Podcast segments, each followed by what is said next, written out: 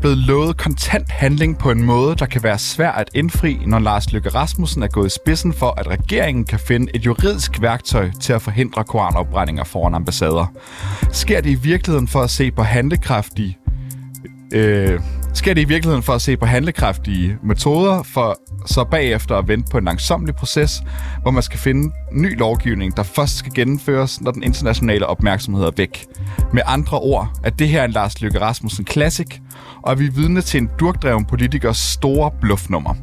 Det handler rapporterne om i dag. Mit navn det er Alexander Brundum.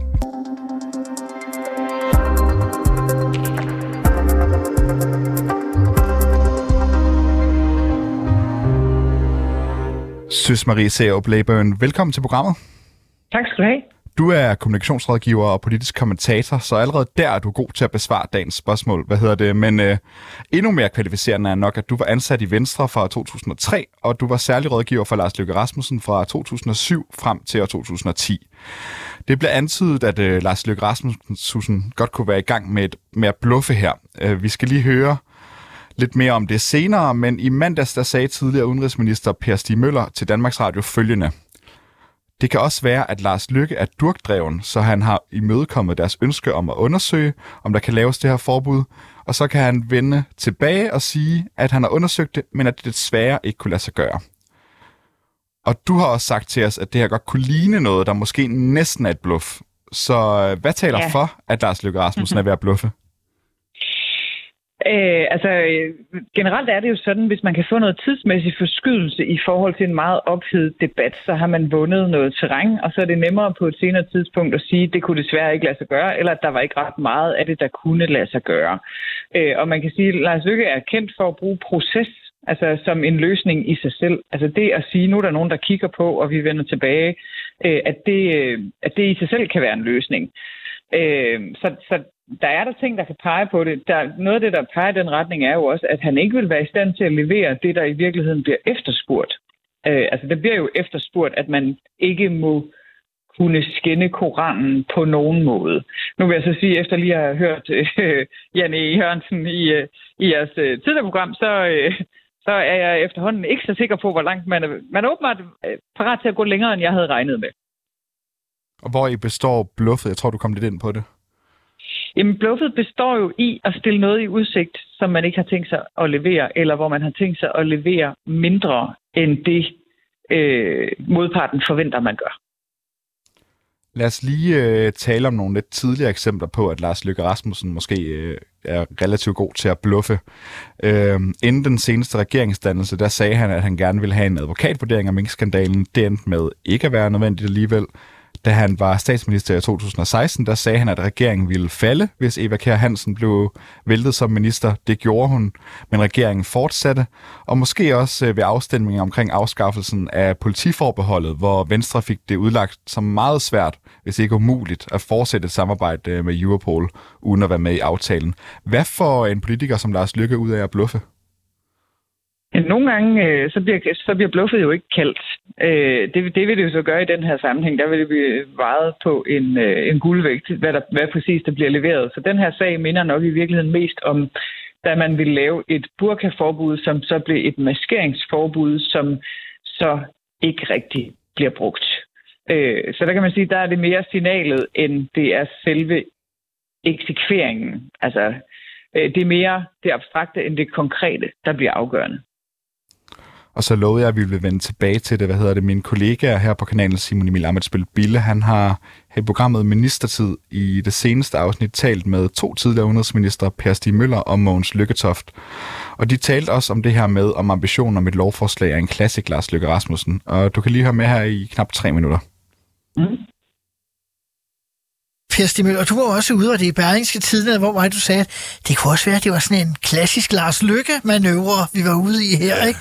Det altså, tror jeg, ikke, jeg tror ikke, det er rigtigt, hvad jeg sagde. det, var, nej, nu, nu, det var en hypotese. Nu prøver vi lige at tale om den, fordi jeg vender lige tilbage. I 2017, da man vedtog blasfemiparagrafen. Jeg har selv beskrevet det i en bog, jeg har udgivet tidligere i år. Jeg sad på gårdspladsen på Marienborg sammen med Lars Lykke og Anders Samuelsen. Lars Lykke var meget imod, at vi skulle afskaffe blasfemiparagrafen, men han kunne ligesom godt se, at det var den vej, vinden blæste. Og 30 sekunder inden han giver sig, så når han at sige, at jeg frygter, det ender med, at vi kommer til at se afbrændinger af koraner. Mm. Citat slut. Ja. Jeg skrev det ned samme dag. Øh, så det ved jeg, han sagde. Men han Nå, det var det, der var, var det muligt, og vi skulle videre, og så han gav sig, og han udsendte pressemeddelelse, hvad ved jeg om, at det, øh, det var helt fantastisk at gøre det. Og så siger du her, nu kaster han noget ud, øh, siger, jeg vil undersøge det for Justitsministeriet til at se på det. Er det virkelig ikke sådan en klassisk Lars Løkke, øh, to er sig sted i regeringen? Undskyld. Nej, må jeg lige prøve at... Ja. Det kan godt, du ikke påstår, nu tager jeg lige tesen, så kan du holde dig til den. ja, ja. At han siger, at nu, øh, nu får vi Justitsministeriet til at se på det. Han ved ikke endnu, hvad det er, han gerne vil have Justitsministeriet til at komme frem til, fordi Lars Løkke i virkeligheden i 25 år eller mere har arbejdet på den måde, at han løser problemerne lige foran sig, og så ser han, hvad der sker, og finder på en løsning senere. Jamen, det tror jeg er meget rigtigt, men, men øh, når jeg kom med den hypotese, det var ret tidligt i forløbet, ja, det er fire øh, så kunne det godt være smart manøvre ved at sige, jamen, I beder om det, jeg undersøger det også, så kommer man tilbage til mig, kan jeg sige om 14 dage, at det er undersøgt, det kan ikke lade sig gøre. Vi havde det jo lidt af det samme, hvor vi har henvist til blasfemiparagrafen, når jeg var rundt i den arabiske verden. Og vi havde det også en situation, hvor rigsadvokaten skulle ind og vurdere noget kan ikke huske, hvad det var, men det var også i forbindelse med det her. Og det gav os også respekt, for vi kunne sige, jamen det ligger hos Rigsadvokaten. Han endte så med at sige, der skulle ikke ske noget. men så var der jo gået tid. Aha. Var der under tid. Så derfor kunne det være en smart manøvre for at vinde tid. Men det tror jeg ikke på længere, men det kunne det have været. Hvad er der sket de sidste tre dage, siden du ikke tror det længere? Derfor jeg tror, han, jeg tror, han virkelig vil have aha, den der aha, igennem. Øh, ellers er den analyse rigtig, men jeg tror, han virkelig vil have den igennem. Og med det også, så nu, nu, nu, nu, nu går de der efter det. Og de har også fået, de har fået støtte fra for Venstre og Alternativet. ja, det har de. de har, ja. Så de har et flertal, der er ud over en. Og de har endda fået Søren Gade til at øh, gå ud, som altså vil tilhører den form for Venstre, som det vil være. Jo, jo, jo, og Venstre har også været ude at sige, at det her det er ikke ytringsfriheden, men så vil jeg bare igen, altså Janne Jørgensen har været ude og siger, jamen okay, hvorfor så politiet overhovedet rode sig ind i det? Aha. Men altså, det gælder jo om, om alle, jeg havde nær sagt, ansvarlige ledere, altså de ledere, der sidder med et ansvar i en konkret situation at de udmærket kan citeres for det modsatte, de har sagt i fortiden. Ja. Fordi man er nødt til at tage det på sig. Ja, ja, ja. Så bare lige for, nu var det langt klip, hvad hedder det, for at tage tre pointer ud af den her udsendelse. Øh, et, ja. Lars Løkke Rasmussen, han arbejder på en måde, hvor han handler meget og løser problemet senere for at vinde tid. To, ja. nu vil regeringen have det gennemført, fordi regeringstoppen har taget det på sig.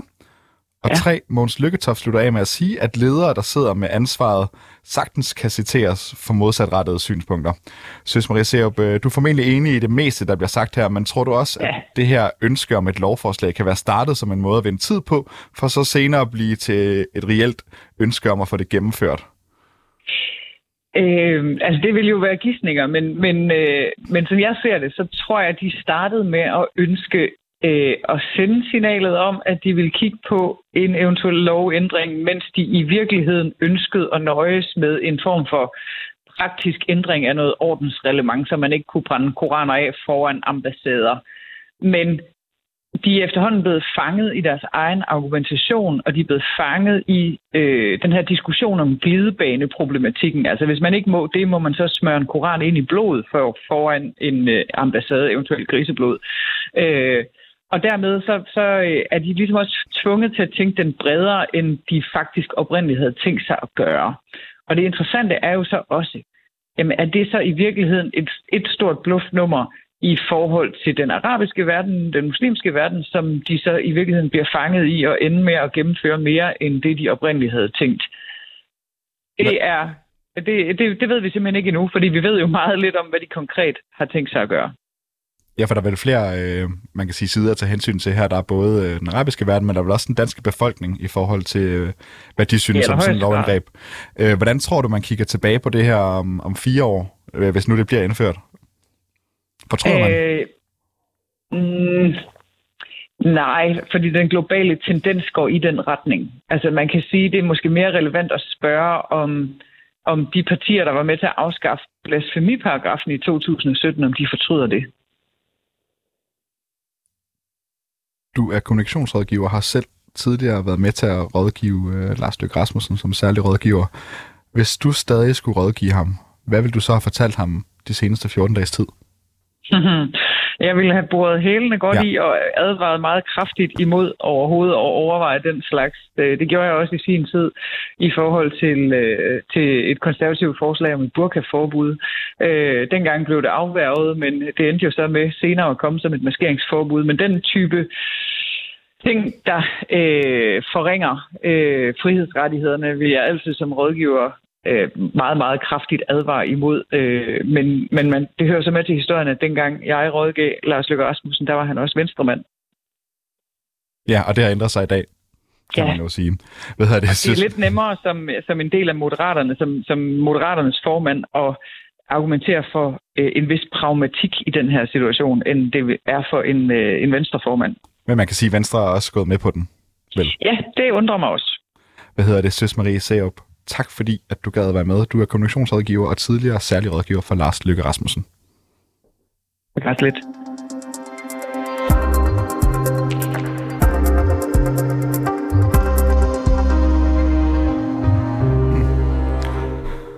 Tak fordi I lyttede med til reporterne i dag. Hvis du har noget, vi skal undersøge eller ris eller ros, så kan du altid skrive til os på reporternes nablag cifrene 24 og 7.dk. Bag dagens udsendelse er Jeppe Aumann Øvi, og mit navn det er Alexander Brundum. Simon Renberg, han er redaktør.